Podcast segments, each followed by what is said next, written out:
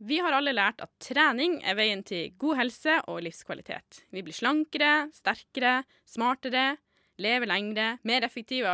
Lista er nesten uendelig, virker det som. Til tross for denne kunnskapen så er det mange av oss som ikke trener. Det er veldig mange eh, som syns at trening er et ork. Så drit i å trene deg vel, skrev du i et blogginnlegg. Gro Rugseth, eh, velkommen i studio. Tusen takk.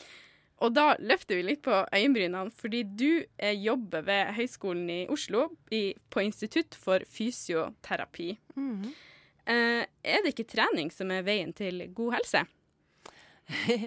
trening er kanskje én vei til noen sider ved helse for noen. For så mangfoldig er det antageligvis. Vi har litt lett for å redusere det til én ting og én vei, og at det skal være likt for alle. Og det var vel det som var litt av min agenda i den kronikken du viste til. At um, den forenklingen som foregår fra den vitenskapelige kunnskapen vi har om helseeffekter av trening, og til det budskapet som kommer ut til oss som da bør trene, um, den er ganske grov. For uh, la oss snakke litt om de negative sidene ved det å trene. Ja, hvor skal vi begynne? uh, ja, altså for det første så Altså det jeg kanskje er mest opptatt av for tiden, eller i vår tid, da, det er at dette med trening har blitt en plikt. Uh, og at man ved å ikke trene skal gå rundt og ha dårlig samvittighet. Uh, og det tror jeg faktisk gjelder både de som trener, og de som aldri trener.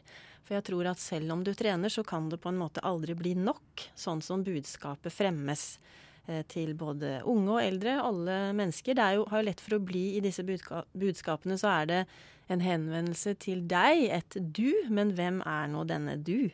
Eh, og vi er jo som sagt så forskjellige og så ulike på alle måter at hvordan dette budskapet treffer, er nok veldig uavklart. Mm. Og du etterlyser ekspertene som interesserer seg for hvorfor vi velger å ikke trene, selv om vi vet alle grunnene til at det er så bra for oss. Mm. Ja, jeg, jeg, kan interessere meg Som forsker så kan jeg være veldig interessert i folk som både trener og ikke trener. Det jeg kanskje etterlyser aller mest, er at vi får opp andre måter å snakke om det å trene på. Eh, det har litt lett for å havne i en sånn litt eh, medisinsk eller naturvitenskapelig måte å snakke på, hvor det ene fører til det andre, og at det er noen sånne selvsagte sammenhenger. Mens eh, for meg så er trening et veldig stort meningsfelt som kan fylles med veldig ulikt meningsinnhold.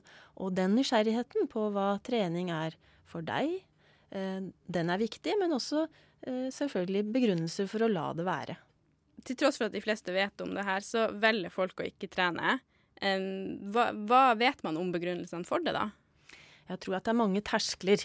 Eh, man kan jo kanskje få inntrykk av at eh, treningssammenhenger er veldig sånn glade, inkluderende sammenhenger.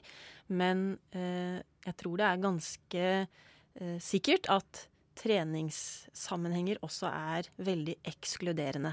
Og det kan være så ulike grunner til at man ikke føler seg som en del av gruppa. Jeg har jo da mest forskningsbakgrunn fra eh, mennesker med overvekt og fedme. Og igjen så er det mange forskjellige grunner til at de ikke nødvendigvis føler seg inkludert i treningssammenhenger som tilsynelatende inviterer dem inn, men som når det kommer til stykket kanskje ikke er særlig inviterende å åpne likevel. I tillegg så jo, blir man jo fortalt at det er veldig viktig å sette seg mål for treninga. Mm. Um, men hva skjer hvis alt fokuset går på liksom å oppnå idealkroppen eller bli sterkere hele tida? Hva skjer med treninga da? Ja, jeg, kan ikke akkurat si deg hva som skjer, men jeg kan tenke litt sånn åpent rundt det der at, at trening alltid skal ha en, liksom, en avklart hensikt. Uh, jeg liker å tenke at trening er ferskvare på den måten at det er noe som foregår her og nå, og hvor trening tar meg når jeg trener. Det kan være eh, For det første er det veldig individuelt. Eh, det har med min historie å gjøre, det har med det de er sammen når jeg gjør det. Altså utallige ting som virker inn på hva, hva trening fører til for meg. Så jeg er litt sånn opptatt av at vi ikke bare må redusere trening til noe som skal ha en bestemt hensikt, men stille oss åpne overfor hva skjer når vi beveger oss.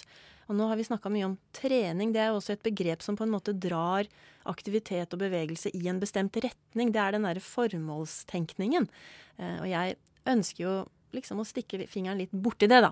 Og si at uh, trening er jo også veldig mye annet enn forutbestemte formål og hensikter. Hva da, for eksempel?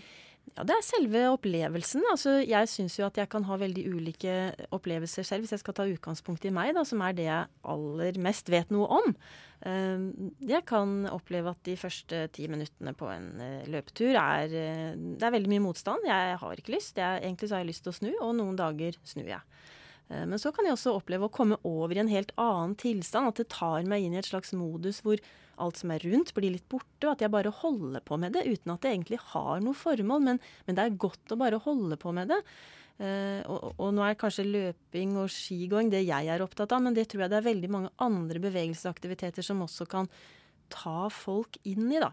Uh, om det er poledancing, yoga eller roing eller å gå en tur. Altså veldig mye ulikt. For noen er sam, altså samværet med hunden, samværet med barnet, samværet med ektefellen. Bare det at det skjer noe der og da, er kanskje det aller, aller viktigste. Men å, å drite i å trene, er det det folk trenger å høre? Ikke det, ikke det i dag mange som og bevege, trenger å bevege seg mer? Jo, det er jo et paradoks, og det er jo liksom inn i det paradokset at jeg prøver å blande meg med litt sånn provoserende tittel. Eh, jeg mener vel faktisk at eh, hvis det å trene eh, skaper mye motstand i deg, så skal, skal, du kanskje drite i det. Og tenke på at du kan drive med andre ting som også er helsebringende, hvis det er helse som er en slags motivasjon for å tenke i retning av trening.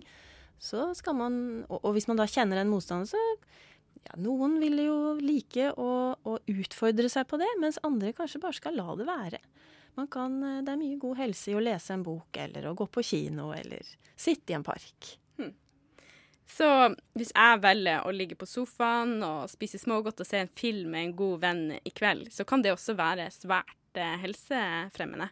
Ja, det, det, vil jeg si. Altså det der å ha det bra, det har vel alltid vært forstått som helsebringende. Altså å ikke ha det bra, det er jo i utgangspunktet et tegn på at noe ikke er helt i orden. Så hvis du kan nyte den fredagskvelden på sofaen med smågodt, så syns jeg du skal unne deg det. det her var gode ord å ta med seg på sofaen inn i helga. Takk for at du kom i studio, Gro Rugseth. Eh, eh, Førsteamanuensis mm -hmm. ved Høgskolen i Oslo, Institutt for fysioterapi. Takk for meg.